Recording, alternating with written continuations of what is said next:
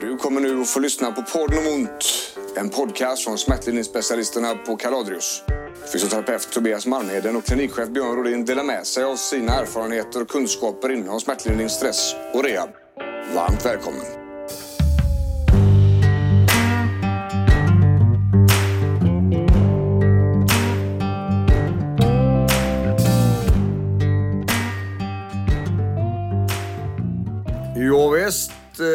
Avsnitt nummer två, podden om ont. Björn Rodin heter jag, klinikchef på Kaladrius. Tobias Marmeden, medicinskt ansvarig fysioterapeut på Kaladrius. Måns, eh, producent. Dag, förra avsnittet så snackade vi om smärta och smärtlindring. Eh, och det är lite grann det som hela podden kommer handla om totalt. Alltså, så. Eh, vi ska försöka att sprida information om smärta och, och hjälpa fler och göra mer med det, det vi kan bidra med. Vi eh, jobbar ju med smärtlindring och rehab dagarna ända på Kaladrius. Finns ju i Sävedalen och i Göteborg eh, och i Stockholm. Och eh, den här podden om ont är till egentligen för att kunna göra mer för fler. Vi vill kunna, vi vet om, ska jag säga, att vi, vår kunskap och vår erfarenhet kan hjälpa folk även över en, till exempel en podcast. Vi jobbar mycket med filmer i sociala medier och eh, artiklar och liknande. Och vet om att vi når fram. Vi vet om att vi kan göra väldigt mycket gott. För vissa så räcker det hela vägen. För andra så räcker det med ett frö som börjar gro för att förstå att man faktiskt kan ta hand om situ- situationen och så vidare. Förra gången så låg vi en bas kan vi säga. Det gjorde vi. Smärtlindring, smärta. Precis. Ja, och eh, vi snackar upp det lite grann. Eh, ni får gärna gå in och lyssna på det om ni har missat det. Ni som lyssnar här nu. Men idag! Idag ska vi prata om stress. Ja visst. Ja, det är grymt. Ja, det är- Sjukt komplicerat. Extremt. Och det går in i smärta ganska mycket också. Ja. Det, de är ju väldigt eh, tätt ihopkopplade där. Eh, och avsnittet har vi ju döpt till eh, stress och smärta, smärta och stress. Precis. För att i många fall så är det svårt att skilja på vad som är vad. Eh, det ena är det andra och det andra är det första. Men vi ska göra så här som vi gjorde förra gången. Tobbe, förklara stress för oss, sa jag.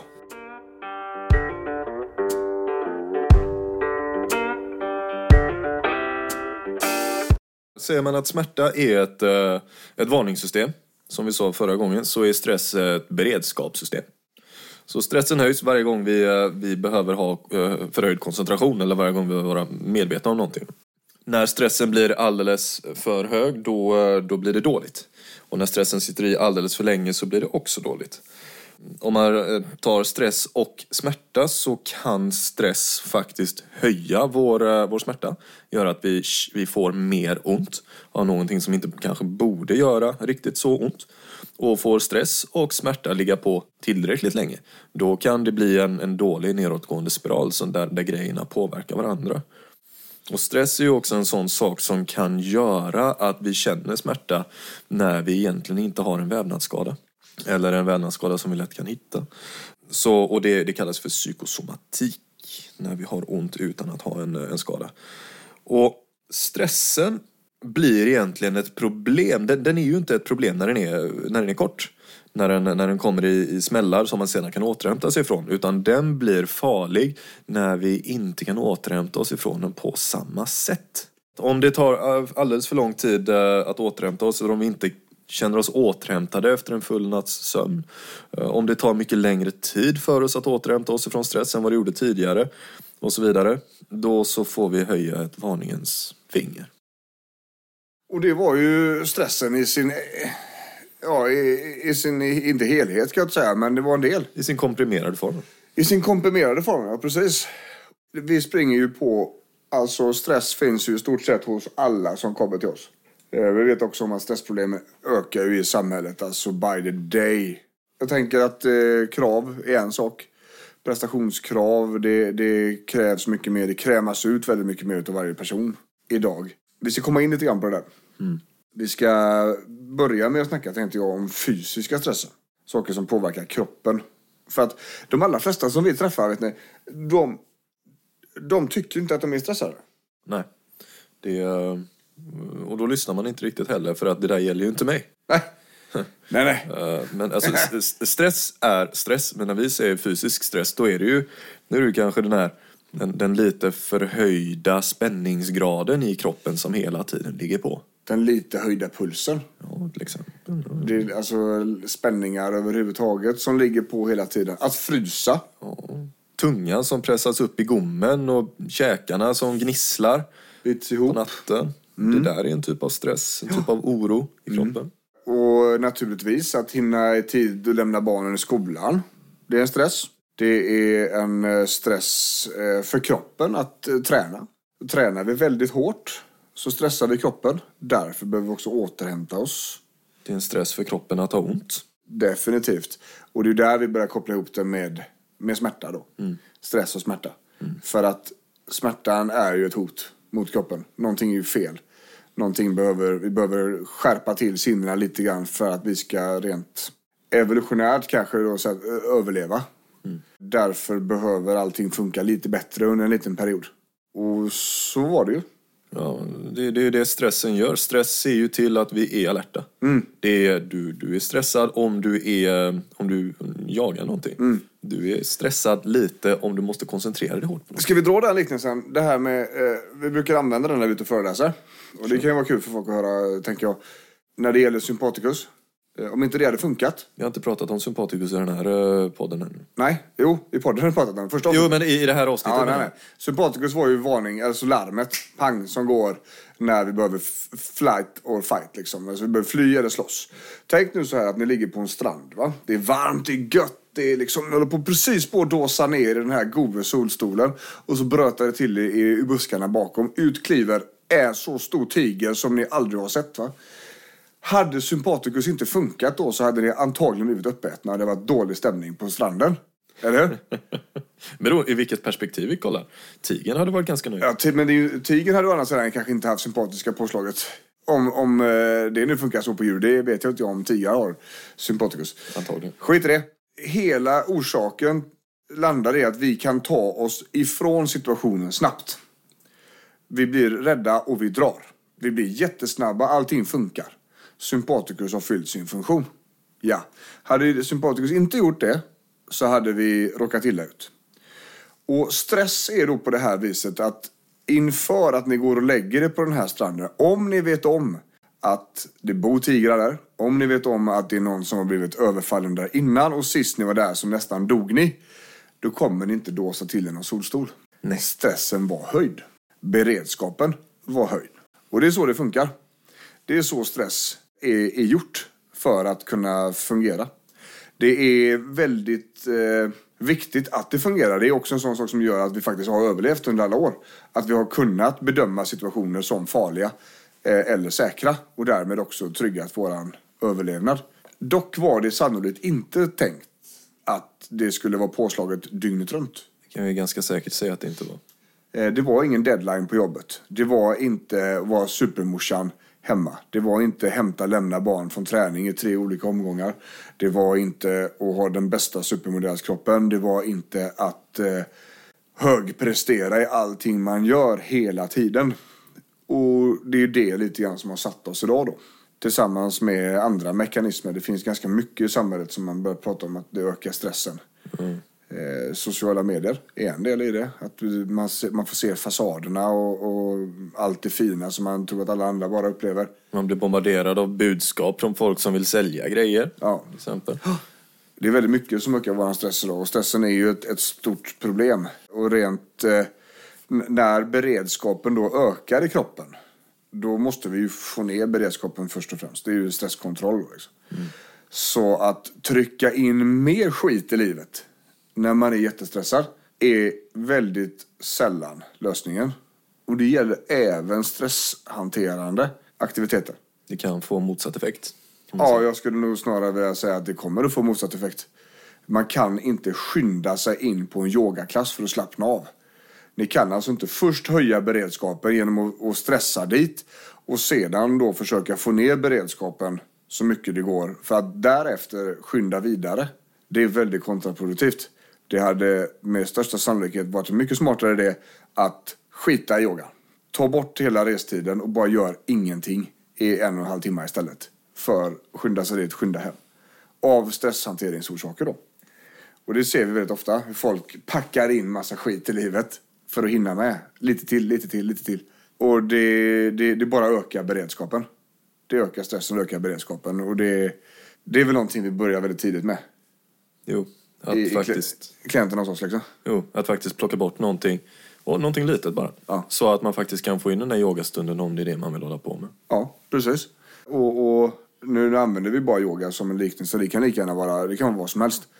Men att öka aktiviteterna i livet är väldigt sällan det som behövs göras. Liksom. Speciellt då om, om stressen är en del i smärtbilden och att det är den vi behöver ha ner. I de allra flesta fallen så behöver vi eh, börja i den ändan och därav stresskontroll. Där ser man ju också det att folk som... Eh, vi, vi har ju vissa... Det här med att, eh, att faktiskt lägga in, lägga in vila och, och ledighet. Att bli sjukskriven till exempel. Att bli sjukskriven och jobba 80 procent. Det kan för vissa skapa en större stress bara för att arbetssituationen inte har förändrats. Man har faktiskt samma arbetsuppgifter kvar trots att man jobbar 80 procent. Så då får man skynda sig att göra allting som man gjorde på en 100% tjänst. Men nu har man bara 80 procent av tiden att göra det på. Så det behöver, där, där blir det också dubbelfel. Ja, och det, det är jättevanligt. Men när det gäller den, den fysiska stressen där så, så är det ju liksom... Eh, i, många fall så försöker man lägga på träning. Det är väldigt vanligt. Att man är stressad som fan och så ska man bara iväg och köra snabbt lunchpass. Och så ska man då vara så effektiv som möjligt och så kör man högintensiva intervaller. Det är ju inte alls säkert det är facit. Nej. För det kommer ju sannolikt, eller det vet vi ju, det stressar ju kroppen och det ska det göra.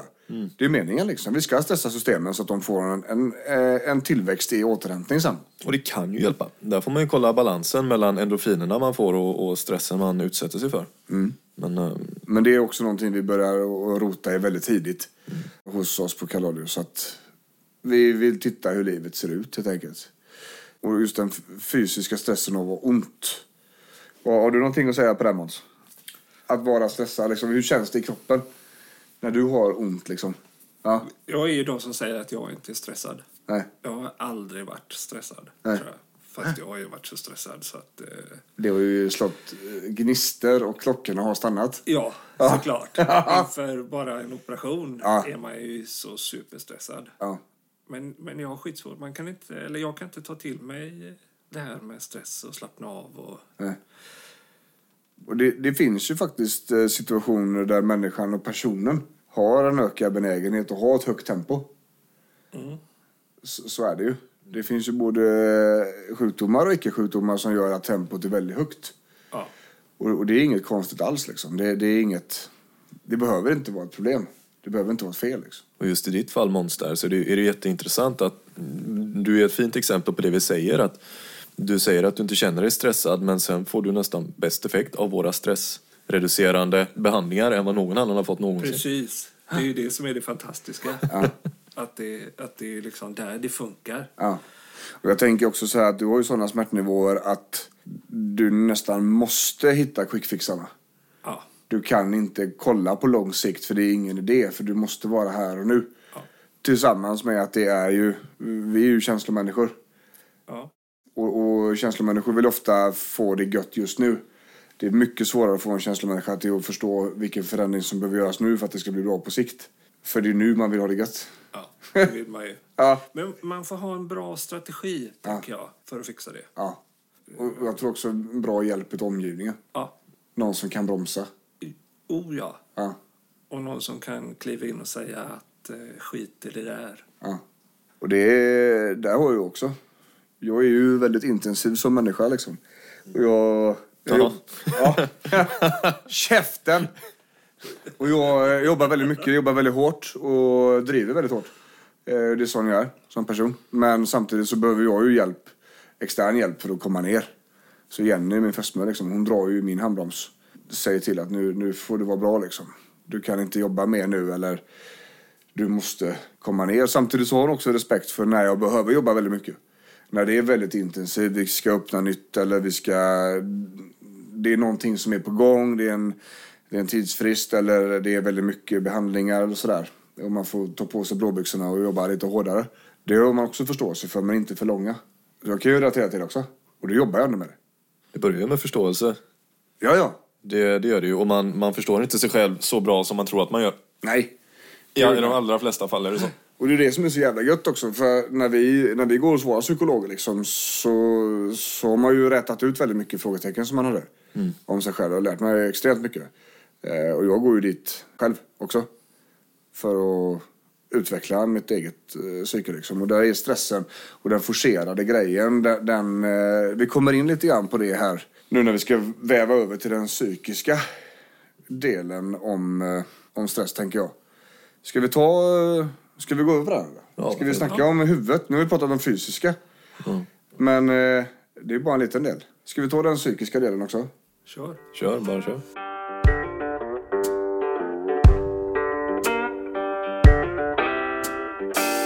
Jo, eh, stress är ju en eh, känsla tillsammans med oro, rädsla, ångest. KBT förklarar detta i en triad där vi har eh, känslorna högst upp i eh, pyramidens spets. Ner till vänster så har vi beteendet. Eh, och det är ett flyktbeteende.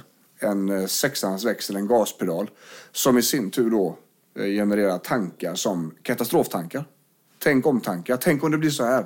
Tänk om att det duger till. Att vara orolig kommer att ge den här typen av tankar. Och de här tankarna är ingenting som man vill kännas vid och det är jobbiga tankar att ha och det är även jobbiga känslor att ha. Vilket innebär att jag försöker att köra ännu hårdare så jag slipper att tänka. Så det blir en quick fix för ångest kan man säga.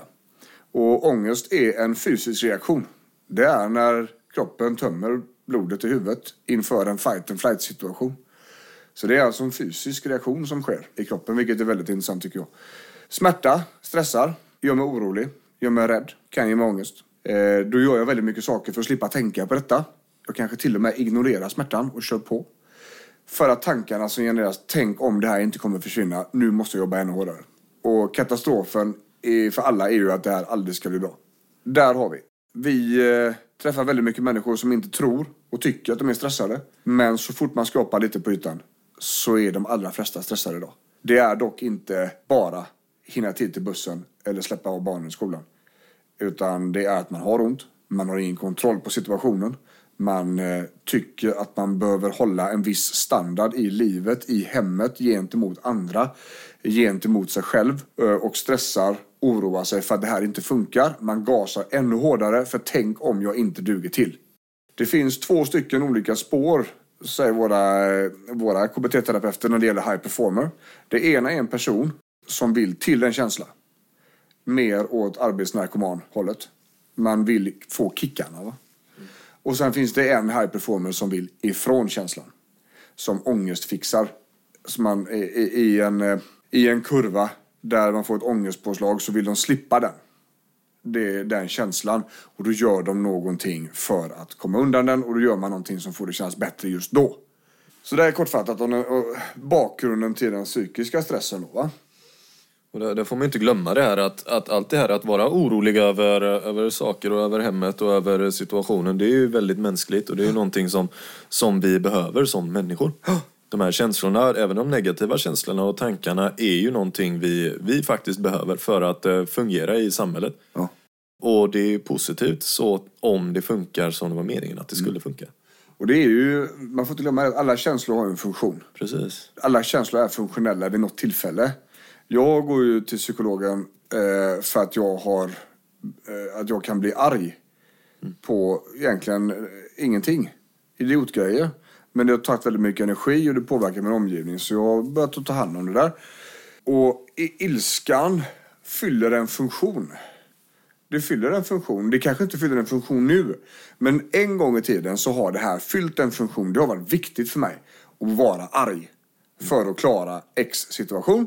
Vilket innebär att när min hjärna har vant sig vid detta så är det det som har fortsatt. Och eftersom jag då kan fortsätta vara arg på pantmaskinen och elda upp den och sparka sönder den. När den inte funkar fjärde gången i rad. Utan femte gången tar den flaskjäveln. Då vill jag ju sabba den. Jag vill förstöra den. Jag vill mästra den maskinen för att den är dålig. Ilskan där är ju icke-funktionell för mig då. Men i, i, i tidigare i mitt liv, någon gång, så har det varit viktigt för min hjärna att vara arg för att kunna klara sig. Och, och det är någonting som man får tänka på när man börjar processa de här sakerna. Att alla känslor har en funktion. Och det där är ju, det där är ju samma som personer som alltså, som pressar väldigt mycket för att uppnå eh, resultat. De blir, väldigt, de blir ofta väldigt bra i, i yrkeslivet. De, eh, de klättrar i karriärstegen, de får saker gjort och de är omtyckta av omgivningen för att de får saker ur händerna och, och, och hjälper folk. Va? Och, och det sättet de har hanterat sitt liv på. Hela livet, hela 40 år av de liven. Så det är ju såklart att det är en omställning och det är svårt när man ser att samma beteendemönster som har hjälpt mig hela livet nu är det som håller mig tillbaka och gör mig värre. Det är inte bara att vända på en eh, femkrona och försöka eh, göra tvärt emot. Nej. Det är just den situationen är så jävla vanlig. Ja, det är varje gång. Ja, och, och vi träffar ju väldigt mycket high performers. Mycket för att varumärket attraherar eh, just den typen. Vi är inte vårdcentral, vi är inte mellanmjölk. Du vet väl att du kan köpa Kaladius online-tjänster på kaladrius.se? Där kan du bland annat få hjälp med rådgivning om dina besvär via videolänk. www.kaladius.se Vi, vi är Kalarius liksom. Och, och det, vi syns och det syns att det är någonting annorlunda och det drar ofta till sig en typ av individ som vill ha någonting annat. En high performer. Därför träffar jag väldigt mycket sådana. Och det är jättevanligt att man har samma typ av copingstrategi oavsett vad du har för något. Och en copingstrategi är ett strategiskt val av problemlösning egentligen. Undermedvetet. Ett undermedvetet, ja. Eh, där man kan vara problemlösare. Du kan söka massa problem. Det är de som söker hjälp 20 gånger. Det är de som har en problemlösande copingstrategi. Eh, som vi pratade om förra gången i smärtavsnittet. Så snackade vi lite grann om eventuellt då vilka, om kvinnor söker mer hjälp än män och så vidare. Och det, det ser vi, det, det beror mycket också på vilken coping de har då. Och det, det är en, en väldigt, eh, ska vi säga, det är väldigt individuellt. Även där, hur, hur det fungerar. Men när det, när det gäller stress överhuvudtaget så är det ju fysiska delen är en liten del. Men vi, de vi träffar, det är ju ofta livet. Livet är ju den stora stressen. Alltså behovet av att vara perfekt inför andra. Man jämför sig med andra hela tiden. Va? Man eh, pratar väldigt mycket om eh, krav från samhället och sådär. Jag tycker att ofta är, eh, de jag träffar i alla fall, det är ju större krav hos sig själva. Definitivt så. Jag tänkte precis säga samma sak. Man sätter aldrig, så, samhället sätter nästan aldrig så mycket press på dig som du sätter på dig själv i de här situationerna. Och naturligtvis så finns det ju faktorer som, som alltså könsroller och det finns eh, ideal och sånt som kommer mata till dig. Och som idag kanske, du, du kanske ser de här orimliga idealen mer via sociala medier och sådana här saker än vad vi gjorde förr. Mm, definitivt. Men en, en kvinna då till exempel, hon ska ju vara supermamman. Hon ska vara superpartnern. Kåt, glad och tacksam. Och hon jämför sig med andra. Alla andra är bättre. Jag måste jobba lite hårdare, jag duger inte. Och det är någonting vi märker väldigt tydligt. Att det, det är en, ett hårt straff liksom. De straffar sig nästan. Varför skulle livet vara så orättvist att just du måste ha det sämre än alla andra? Varför är inte du lika mycket värd som alla andra? Och där, finns, där brukar vi använda en sån en frågeställning egentligen för att bryta de här katastroftankarna. Att om, om, ta, om du tar alla dina grejer som du gör varje dag. Du städar, du fixar, du jobbar, du har handlat, du ska fixa mat, eh, du ska fråga alla hur de har haft det. Du ska, allting ska vara det här perfekta som, som man har fått för sig att man ska ha. Och så lägger du det på en kompis. Låtsas att din kompis gör allt det här. Räcker det då för den kompisen? Ja, precis. Så varför är livet så jävla orättvist? Att det inte räcker för dig. Och där har vi ingen fråga, där har vi ingen svar. Nej, det finns ju inget bra svar. Det finns inget bra svar. för att det är en ologisk tanke från början. Precis. Och det är där vi vill att, att våra klienter landar. Och det handlar om självvalidering. Man piskar sig själv, man tycker inte att man duger till. Kanske för att det har insinuerats eh, i tidigare i livet. Kanske att det har eh, av olika orsaker landat där. Det, det kan gå ganska långt bak i tiden. Vi har ju en, vi har en klient, eh, väldigt typiskt, fick i barndomen kanske då 58 rätt av 60 på prov. Och där föräldrarna undrar vad de andra två poängen tog vägen. På riktigt. Inte det att det är ett fantastiskt bra resultat. Faktamässigt sett så vet vi att det fattas ju bara två poäng här. Och det är ett bra resultat. Det kan vara ett, ett, ett slarvfel, det kan vara ett rättningsfel, det kan vara allt möjligt. Två poäng ifrån alla rätt är inte ett dåligt resultat. Då blir det fel om man instruerar vart är de andra två poängen. Och det här följer ju med henne i livet idag. Fastän det, det var liksom väldigt, det var decennier sedan. Alltså. Och det här med att, att, att piska sig själv. Det går, ju, det går ju att vända på den frågan och så, och så kan man ställa den retoriska frågan. Vad skulle hända om du behandlade dig själv som någon som du ska ta hand om? Istället för att piska dig, istället för att trycka ner dig själv. Vad skulle hända om du behandlade dig själv som någon som du hade i uppgift att ta hand om? Ja. Och om man stannar där och tänker lite på den, då är det ganska... Man hade nog hand- handlat på ett ganska annorlunda sätt. För mycket av stressen kommer ju inifrån. Och den är också den som är svårast att ta hand om. Det här, det här gasbeteendet, alltså gas, sexans växel som vi brukar kalla va? Där vi har en flykt, där vi gör massa saker för att slippa känna oron och ångesten. Eh, och slippa tänka på de här jobbiga sakerna. Det skapar ju ett fruktansvärt tempo. Och man trycker sig igenom gränser. Man har klivit in i vad, vad vi kallar för en push and crash cycle. Man trycker sig så hårt fram över gränserna att man till slut inte orkar. Då kraschar man. Orkar man inte göra någonting istället. För att då glida in i vad vi kallar för en forcerad återhämtning. Så länge tills hjärnan och kroppen känner sig att ja, nu är det helt lugnt igen. Och då gör man om det. Och så, och så kör man så. Och det, det, det här är ju någonting som pågår i väldigt många liv Oh ja runt omkring. Vi träffar ju, när vi är ute och träffar sköterskorna till exempel. Det här är ju igenkänningsfaktor level 1000. Push and crash liksom. Och det kan vara svårt att bryta. Det kan vara jättesvårt att bryta. Och i det första som jag känner man måste göra då, det är ju faktiskt identifiera att man håller på så här. Och det är ju ingenting ni gör utav liksom illvilja eller, eller av, eh, ja, med vilja liksom. Utan det här är någonting som bara händer. Livet kräver detta, livet som man skapar. Men det problemet är att livet bara händer ju. Det dyker upp massa skit i livet och så anpassar man sig. Och så bara livet bara händer. Och rätt som det är så har det hänt väldigt mycket under väldigt lång tid. Och så har man liksom inte märkt hur det här långsamt har blivit sämre. Det finns ju en sån grej, eh, nu, nu eh, googlade jag det och det visade sig vara falskt. Men det är en fin eh, anekdot i alla fall, det här med att, om, att koka en groda. Det här, du sätter en groda i, i, vatten med, i, i ljummet vatten och så sätter du på pannan och så ökar du, ökar du långsamt. Ja. Så kommer grodan inte att hoppa ut utan den kommer att koka sig själv. Det, det är fel, det är tydligen inte så. Nej. Eh, Men, eh, men Hur är det då? Va? Nej, den hoppar ut. Direkt. Ja, nej, den, när det blir tillräckligt varmt för att den ska vara obekväm. Hopp. Så var det.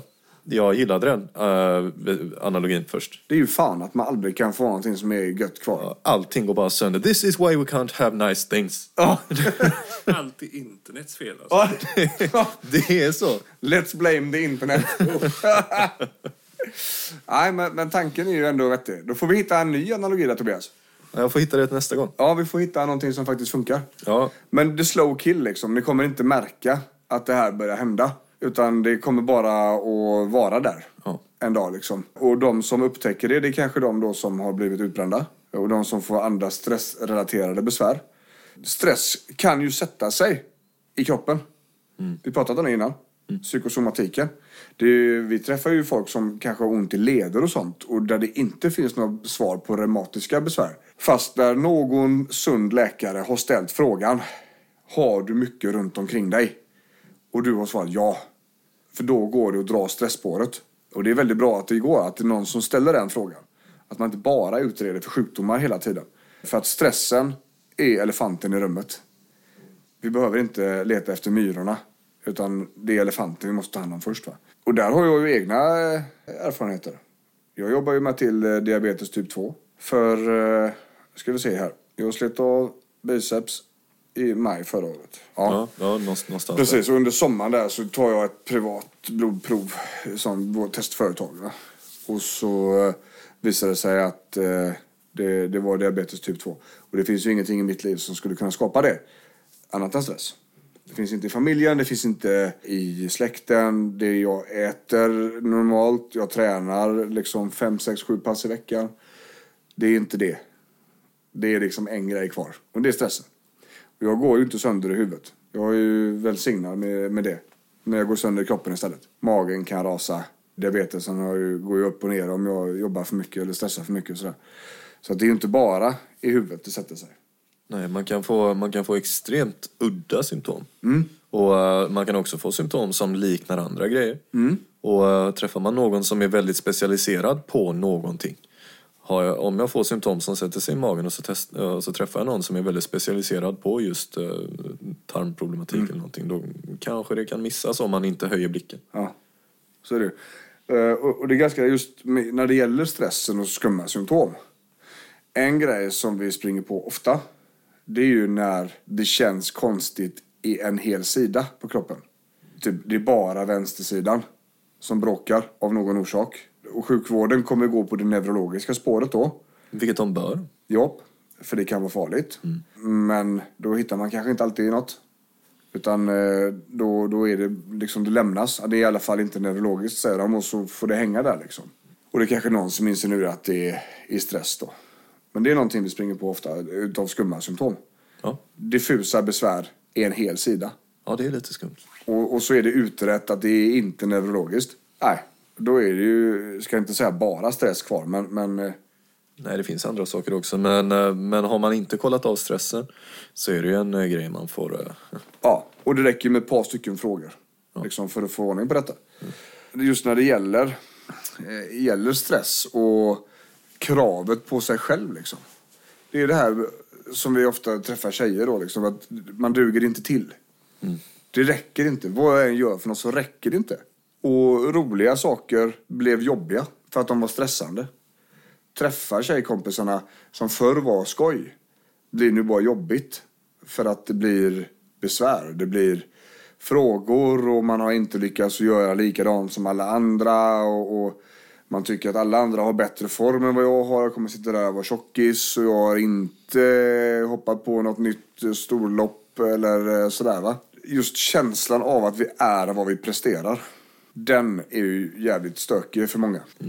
Och det är ju ingenting som vi kommer kunna ändra på här idag. Men man kan säga så här, att de vi träffar som tror att det kommer snart bli bättre. Ah, bara, bara det här får lugna sig. Bara få fixa detta hemma eller det här löser sig på jobbet eller bara vi får över den här pucken liksom. Så kommer det bli bättre. Ja, alltså jag har fortfarande inte träffat någon som spontant har blivit bättre själv. Det händer inte. Det, det, det är så komplicerat va? Och, och där, har vi, där får man ändå säga att vi har, eh, vi har en privilegierad position. Vi har lite tur att eh, de som kommer till oss har, eh, har tänkt igenom det här ett antal varv innan och de är redo att göra en förändring. Har man, börjar man få de här problemen och gå till vården och får exakt samma information som man får hos oss så är det inte alls säkert att man kan ta det till sig. Och så väntar man i tre år tills det blir riktigt illa och då så är man redo att göra den förändringen som behövs. Så vi får ju de motiverade människorna. Och våra, våra psykologer pratar ju om eh, vägskälet liksom. Att eh, vi kan gå till vänster, där regnar det. Och vi kan gå till höger, där det är sol. Och vi måste besluta. Allt, alla beslut vi tar handlar om att gå åt något åt det här hållen. Tyvärr är det så att den dåliga vägen, där man har gått längst, den är lättast att gå. För hjärnan har gått där förr. Den fina, eh, inte den fina vägen, men, men det som leder till det bra stället. Den är mycket snårigare. Du har inte gått där förut. Och hjärnan kommer ha motstånd och gå dit. Därför måste man hela tiden veta. Om man gör den här förändringen nu så kommer det här hända på sikt. En, en motivationsanalys som vi kallar det. Och där behöver man ju inte ens, det är, det är ju inte meningen att man, man kommer inte gå åt rätt håll från början heller. Nej. Utan man behöver bara sluta gå åt fel håll och så går man åt något annat håll som man tror är, är lite bättre. Och så testar man det ett tag och så ser man hur bra det gick och då lärde man sig någonting av det. Och så går man lite mer åt rätt håll nästa gång man testar någonting nytt. Så att man testar sig framåt och gradvis hittar rätt koordinater för att ta sig åt dit man vill komma. Ja, det är ju mycket tanke. Det är mycket känsla. Alltså titta inåt. Och vi, alltså det är väldigt sällan man gör det då. Allting sker ju utanför. Ja. Det är väldigt många som aldrig umgås med sig själva. Aldrig vågat vara med sig själva. Eh, Utan allting, antingen så är man nere i mobilen eller så är man eh, liksom någonstans där ute. Men man tänker inte på vem det är som bor inuti. Vad hittar jag om jag är ensam med mina tankar? Ja, precis. Och det är lite läskigt. Det är många som väljer bort det liksom. Där kanske det finns jobbiga känslor. Det kanske finns jobbiga tankar. Antagligen om man har undvikit det hela livet. Ja, men man ska veta också det att tankar som hjärnan skapar, det här bruset, de här som köttklumpen skapar. När den tanken kommer så är den inte värd mer än en dröm. Tyvärr är det så här att ju mer stressad man är, ju orolig man är, ju mer man är uppe i känslan, ju mer äkta blir de här tankarna. Så när det kommer katastroftankar som tack vare tempot och görandet i huvudet. Eh, ha, när det här höga tempot finns så kommer det här att bli äkta. Sen om det är ett minne, eller om det är en känsla, eller om det är en tanke. Gärna skiter i vilket, det är äkta oavsett, bara kör. Så man hittar en situation som kanske var jobbig från skolan, när man var liten. Dyker upp en likadan känsla helt plötsligt på jobbet. Det var någon som sa någonting eller någon som gjorde någonting. Då blir det helt plötsligt äkta. Fastän hade man haft lite lugn och ro, lite broms, så hade man kunnat separera det här. Ja, men det kommer bara ihåg skiten som hände i skolan. Det är ju över. Och klarar man inte den, då kan man ju också göra... Och få känslan, då kan man ju ändå... Om man är tillräckligt medveten i, i det man håller på med kan man välja att inte agera på känslan. Du, kan, du kan i så fall också välja att inte göra det där som du impulsivt vill göra. För att du inser att den känslan inte, är, inte ska ageras på. Så, eh, Ja, det är så KBT vill ha det. ja precis. Att man gör tvärtom mot mm. vad impulsen säger. Så att om du känner för att gasa och göra lite mer saker för att du inte vill tänka så ska du undvika det. Eh, och det är inget farligt att- att känna dåliga saker liksom. Nej, och, och stannar man i känslan så finns det en god möjlighet att den, att den minskar och försvinner. Ja, precis. För det, det är samma tanke som med fobier. Man vill vara kvar. Man vill face your fears liksom. Så stanna kvar i känslan och känn att det hände inte något farligt liksom. Och vi, i den här triaden som vi pratade om, triangeln där känslan var högst upp och beteendet var nästan till vänster, tankarna var till höger. Man drar en linje mitt i den jävla triangeln, rätt över så. Så har vi eh, varandet, som det heter, till vänster. Och det är bromspedalen i huvudet. Medan görandet är till höger.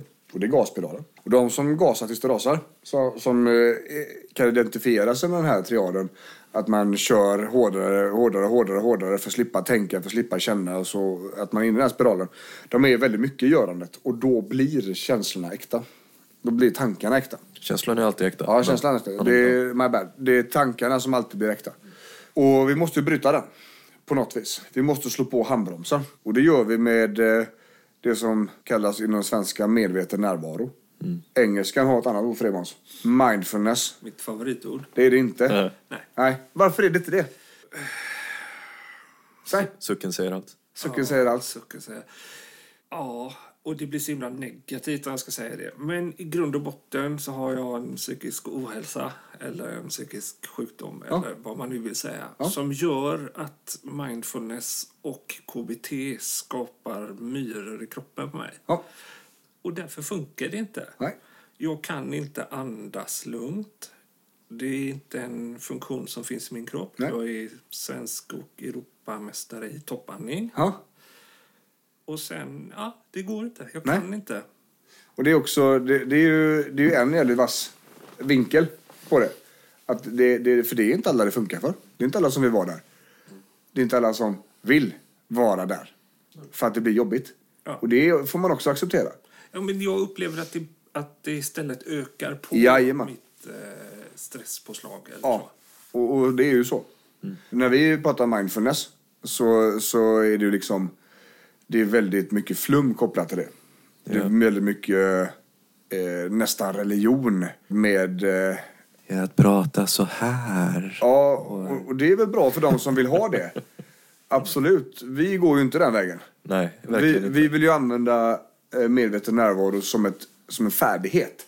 Förmågan att rikta sin uppmärksamhet. Absolut. Och, och det är väldigt viktigt att skilja på att det här är inget verktyg, det är, det är en färdighet. Vi ska inte plocka fram det här verktyget när vi behöver det, utan det ska kicka in när det behövs. Själv. Va? Och jag tänker på, i ditt fall, så handlar det ju snarare i så fall, om vi pratar stress, Ja. om vi nu känner att, okej, men här finns en faktor. Där, där kroppen hade mått bra av att stressa av lite grann. Ja, Och avslappning inte är för dig på det sättet nej. Då får vi ju nästan fokusera på att inte få stressen. Bryta det innan. Ja, det funkar ju. Det funkar bättre va? Ja. Ja. Vilket ju också är ju därför du är väldigt duktig på att säga nej. Och det är, det är en sån egenskap man, man associerar med dig och respekterar dig väldigt mycket för. För att du, du säger nej på riktigt. Kan du inte så kan du inte. Nej. Blir du bjuden på grejer som låter jätteroliga och du säger nej så är det nej. Ja. Liksom. För det har du varit tvungen. Till att göra. ja. Men det är ju min prioritering. Ja. Och min eh, strategi för att det ska fungera. Precis. Och det är, det är en önskvärd strategi hos de allra flesta. Hur, hur lång tid tog det för dig att komma fram till den? 43 år. Ja. Var det, var det någonting, alltså bara funkade det eller vad var det som fick dig till att faktiskt gå, för du går ju ändå en egen väg där. De allra flesta hade ju tackat ja till inbjudningarna du får. I och med att du är musikproducent så får du ju rätt sjuka inbjudningar. Som, Ja. som folk hade bara, åh, varför blir inte jag bjuden? Nej. Nej, för att du inte är musikproducent. Nej. Men det är du. Och du får grejer. Ja. Och jag... Nej, men jag... Jag hade ju kunnat gasa och köra. Och sen eh, kraschat. Ja. Och aldrig kommit upp, tror Ja. jag. Det är ju min skräck att det är det som ska hända. Så därför så väljer jag att vara förebyggande och Ja. tänka. Att du inte vänder ur kaninhålet liksom. Nej. Nej. Och det, ju, det, det kan man också ta ett spår på. Just när man kommer, när man pushat sig igenom och, och forcerat, gasat. Då är det ju en quick fix för ångesten va. Men när det inte går längre, när energin inte finns till det längre. Utan man har kraschat. Det finns ingen energi till att gasa som man slipper känna och man slipper tänka. Då finns filtret inte kvar längre. Då kommer allting över dig och då är det väldigt vanligt att man går ner i en nedstämdhet. Som också kan bli då till en klinisk depression. Ja, visst. Och den här nedstämdheten, den, eh, den funkar ju på samma sätt som orostriaden fungerar så har nedstämdheten sitt eget mönster. Ja, Där, eh, där tanken istället för eh, tänk om är det är ingen idé. Nej. Det är ingen idé att jag gör det här för det kommer ändå inte att funka. Känslan blir nedstämdhet av någon form. Och eh, handlingen, det man, det man gör istället, det är ju istället att eh, eh, inte göra någonting. Att eh, undvika ett annat typ av undvikande beteende kan man säga. ja. Så det är ju minst lika illa som, som orostriaden. Ja. Ska vi dessutom då koppla på eh, nedstämdheten, inaktiviteten, som den beteendet gör, till smärthanteringen, smärtlindringen. Kommer ni ihåg det vi sa förra avsnittet? Med att inaktivitet var nästan lika stor mördare som själva skadan. Så här har vi tryckt oss över gränsen. Pushat så in i helvete hårt genom att göra saker för att slippa känna, för att slippa tänka. Tryckt oss över gränserna så vi inte kan göra detta mer. Glider ner i en, i en eh, nedstämdhet och blir inaktiva och passiva. Vill du komma i kontakt med Kaladius för en effektiv rehab och smärtlindring? Fyll i kontaktformuläret på www.kaladius.se så ringer vi upp dig. Mm, väldigt lätt att se spiralen där. Väldigt lätt att se spiralen där. Därför, vänner, så är det väldigt viktigt att ni inte skiljer på eh, hjärnan och kroppen. Psyket och fysiken hänger ihop. Det går inte att separera, för det ena ger det andra. Det andra kan inte göra utan det ena. Och, och där har ni en väldigt bra röd tråd till varför man blir passiv när man har ont. Man trycker sig igenom, speciellt då en high performer. Man gasar, man vill, man vill liksom ignorera lite grann i början att fan jag skiter att det gör ont, jag får köra på i alla fall. Ni vet hur det är, man får bita ihop och så låter det tjo och kim och av någon jävla underlig anledning så är det ett, ett ideal att kunna bita ihop och hålla käft. Jo, ja. ja. Det är ju skithäftigt. Någon som bara kan köra på. Det är ju... eh, Ja, alltså jag Eller- blir ju upprörd i, i ansiktet av, av, av det här. Och, ja, men precis. Och det... det ja, men vi kör på när byter ihop. Ja, fast nu är du bara dum i huvudet. Och man är, det är ju det. Man är ju dum i huvudet som människa. Man gör ju saker hela tiden. Det gör jag med. Fan, jag har artros i mitt vänsterknä. Jag gör ju också saker jag vet jag inte ska göra. Ja, ja. För det måste man ibland. Och ibland så skiter man bara i det. För man orkar inte. Man orkar inte bry sig att, man, att det gör ont liksom. Och jag tänker det, alltså när du Måns eh, vet om att du ska göra saker som får göra lite ont liksom för att du vill göra det. Ja. Då, då vet jag ju också om att jag planerar in återhämtning efteråt. Eller hur? Smart. Ja. Och där har vi ju pacingen. Ja. I sin renaste form.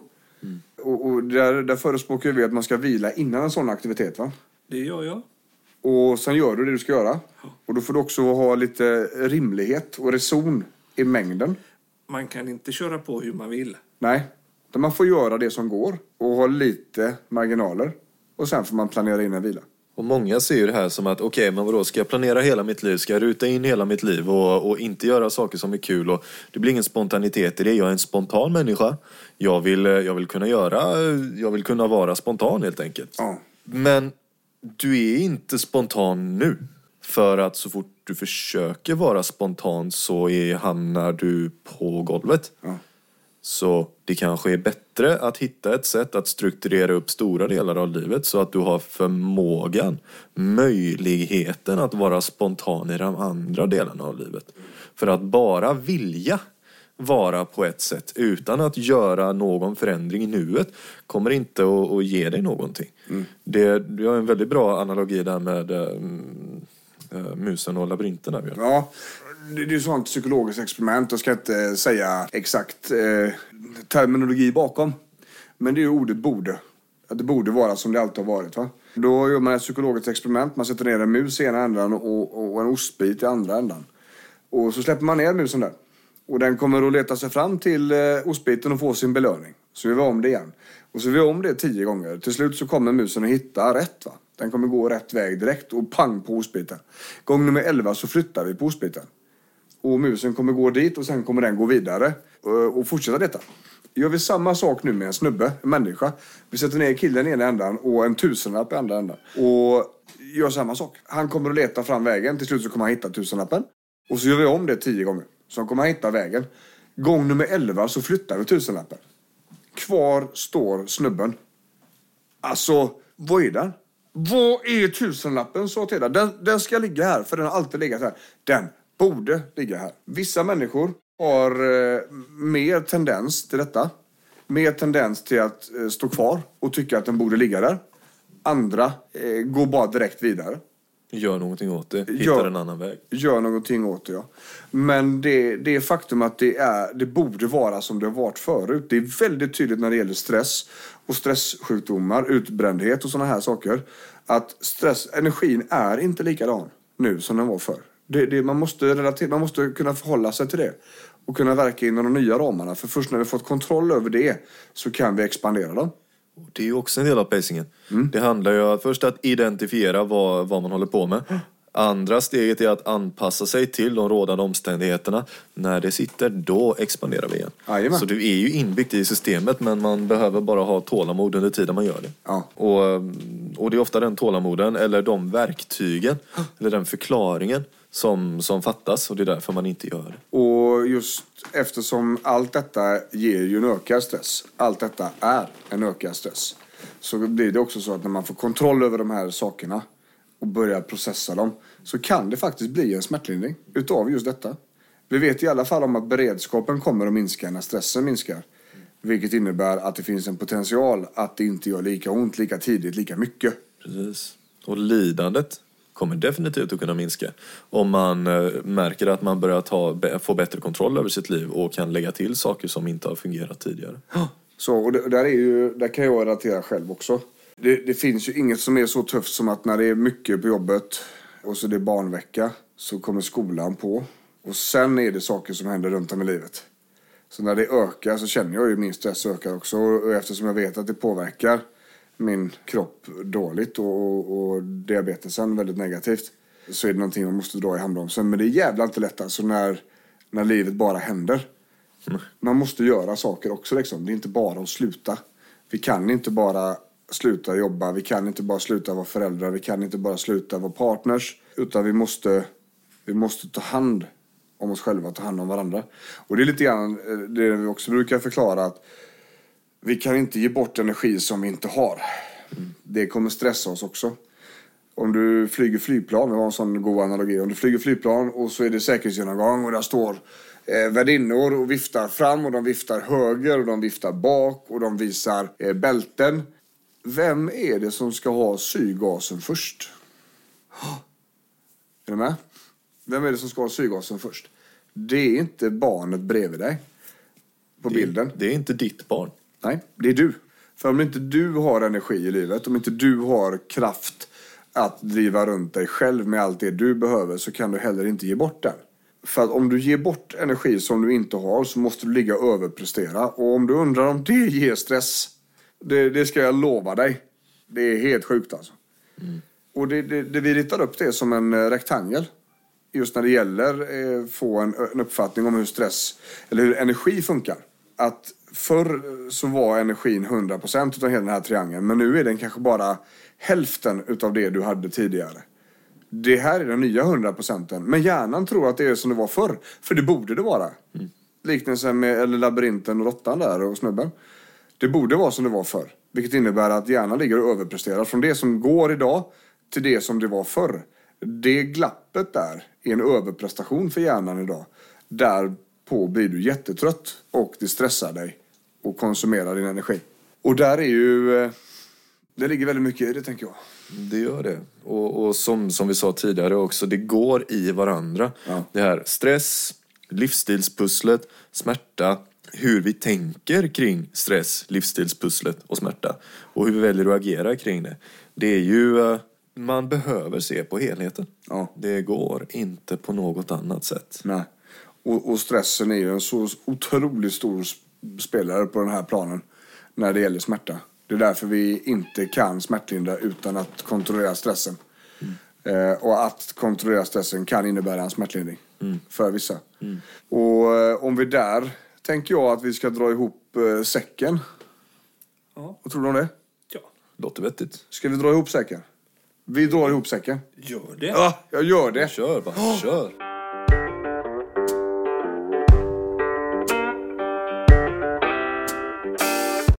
Stress är eh, ett beredskapssystem i kroppen.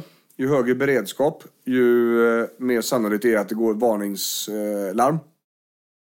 Stress är väldigt tät relation till smärtan som eh, vi kanske har i oss. Den eh, kommer att eh, göra smärtan svårare att hantera. Vi kan säga så rakt att vi har svårt att nå en hållbar smärtlindring om vi inte tar hand om stressen som finns i livet att eh, vara stressad skulle i slut kunna ge så pass hög beredskap att hjärnan börjar ta emot eh, och tolka signaler som smärta som egentligen inte är smärta. Det innebär att det blir psykosomatiskt. Stressen blir dålig när återhämtningen inte räcker längre. Då är det varningsflaggor. När du inte är utsövd efter en normal nattsömn, när du behöver vila mer. Det är också så här att eh, det blir farligt när normala aktiviteter tar onormalt mycket energi.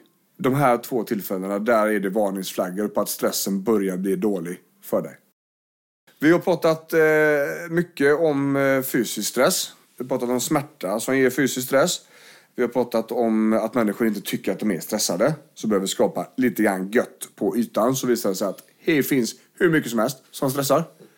Det är inte bara att hinna i tid till skolan med barnen eller att lämna in papper i, i tid på jobbet och så vidare. Det är väldigt mycket mer. Det gled däröver in på oron, stress, ångest i KBT-resonemanget. Där vi har flyktbeteende, sexans växel, vi gasar tills det rasar. Vi har också eh, tankarna som är tänk om-tankar, katastroftankar. Sådana här saker, jag duger inte till-tankar. Där ville vi ställa frågan, om allt det du gör, om din kompis hade gjort likadant, hade det då räckt för henne? Ställ dig den frågan och ta dig den tankeställaren som blir där. När det gäller flyktbeteendet så vill vi skapa en eh, medveten närvaro. Vi vill skapa en mindfulness för det slår på bromsen. Det finns massor av övningar och appar för detta. Vi eh, har väl lite grann resonemang om det både på Youtube och Facebook. Eh, det finns mycket bra om det. Det är inget flum, även om det kan låta så i vissa retoriker. Så är det inte flum, utan det är bromspedalen som vi måste ha på i ett huvud med för högt tempo. Vi måste reclaim, reclaim the, the mindfulness. Ja. Vi pratar om att det är väldigt vanligt att det är livet som stressar. Man ska vara supermorsan, man ska vara superpartner, man ska jämföra sig med alla andra. Du ska ha perfekta kroppen, allt ska vara bästa bästa. Och eh, det går inte att jämföra någon annan med detta. Vi pratar också om att vi driver in oss i en push and crash cykel. Där vi trycker oss för hårt över gränsen tills vi inte kan göra någonting. För att sedan bli tvungna att återhämta oss. Det är samma princip som driver oss till att bli nedstämda. Skulle man kunna säga vi kör för hårt. Så vi inte orkar quickfixa ångestgrejerna. Så vi inte orkar jobba så hårt för att slippa tänka, för att slippa känna. Att vi glider ner i nedstämdhet och vi blir passiva och inaktiva. Vilket i sin tur leder oss tillbaka till resonemanget som vi drog första avsnittet. Där inaktivitet blir förjävlig mot kroppen för ämnesomsättning minskar, syreupptagning minskar, kroppen mår sämre och kommer också göra ondare. Och den kommer att få en sämre förmåga att eh, lösa problemet, helt enkelt. Vi vill då absolut pusha i det här eh, avsnittet som en sista, som ett råd, det här sista, sista goda grejen. Lägg inte på mer skit i livet. Försök att få ner beredskapen snarare än att få upp den. Driv inte upp beredskapen innan ni ska slappna av, så att säga. Skynda er inte in på yogaklassen för att slappna av, för det har liksom motverkat sitt syfte. Ja, det var avsnitt nummer två. Eh, stress och smärta. Smärta och stress. Och eh, det här är podden om ont. Björn Rodin. Tobias Marmede. Och producent Måns. Producent Måns, ja. Då säger vi så. Då ses vi nästa gång.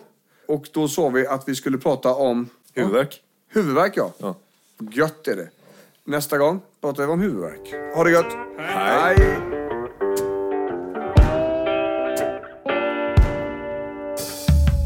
Du har lyssnat på podden om ont. En podcast om smärtlindring, smärta och stress från Kaladrius med Björn Rodin och Tobias Malmheden. Podcasten produceras av Måns Asplund och ansvarig utgivare är Björn Rodin.